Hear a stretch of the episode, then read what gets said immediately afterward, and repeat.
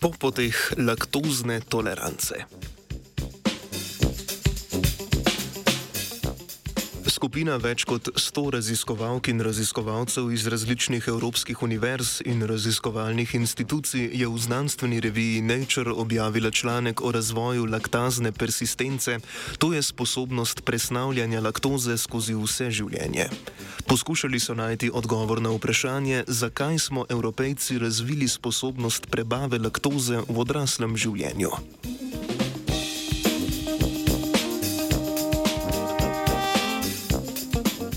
Laktoza je mlečni sladkor, disaharid sestavljen iz glukoze in galaktoze, povezanih z glikozidno vezjo.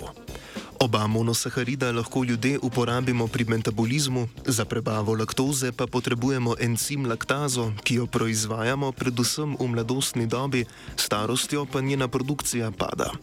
Če laktoze v prebavilih ne uspemo metabolizirati do debelega črevesa, ta tam postane hrana za bakterije, ki pri njenem razkroju proizvajajo pline in povzročajo napenjanje, diarejo ter druge simptome laktozne intolerance.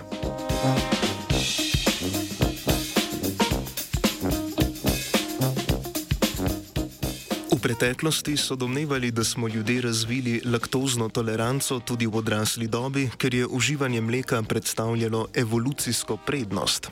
Do zdaj pa ni bilo nobene utemeljene razlage, katera prehranska komponenta mleka naj bi prispevala k večjemu preživetju posameznikov, ki lahko mleko presnavljajo tudi v odrasli dobi. Prav tako so nekateri zmotno domnevali, da se je sposobnost prebavljanja laktoze tudi v odraslem obdobju razvila zaradi vsakodnevnega uživanja mleka.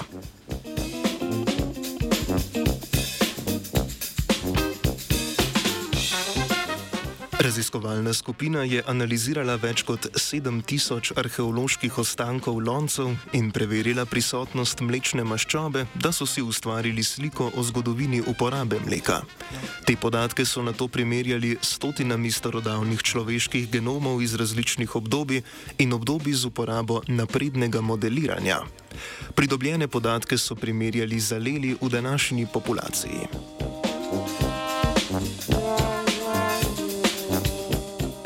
Ugotovili so, da se je sposobnost prebavljanja mleka neodvisno razvila v različnih starodavnih populacijah. Najvišjo pojavnost so zaznali v Evropi. Zanimivo je, da se je laktozna toleranca pojavila šele okrog 6000 let po domestikaciji goveda in drobnice. To nakazuje na dejstvo, da so naši predniki te živali prvotno uporabljali za meso in za pomoč pri pridelavi polščin, šele kasneje pa so začeli uživati njihovo mleko. To so začeli uporabljati v obdobjih lakote, ko ni bilo na voljo druge, energijsko dovolj bogate hrane.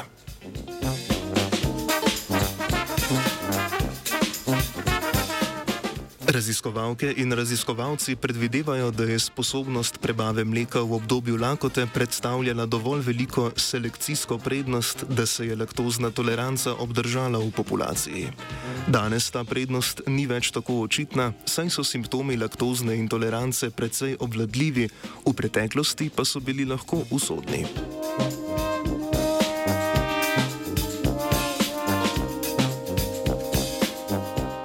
Ne glede na prepričljive razlage in potrjene hipoteze, še vedno ne moremo z gotovostjo trditi, da se je laktazna persistenca v populaciji ohranila zgolj zaradi prednosti v primeru lakote.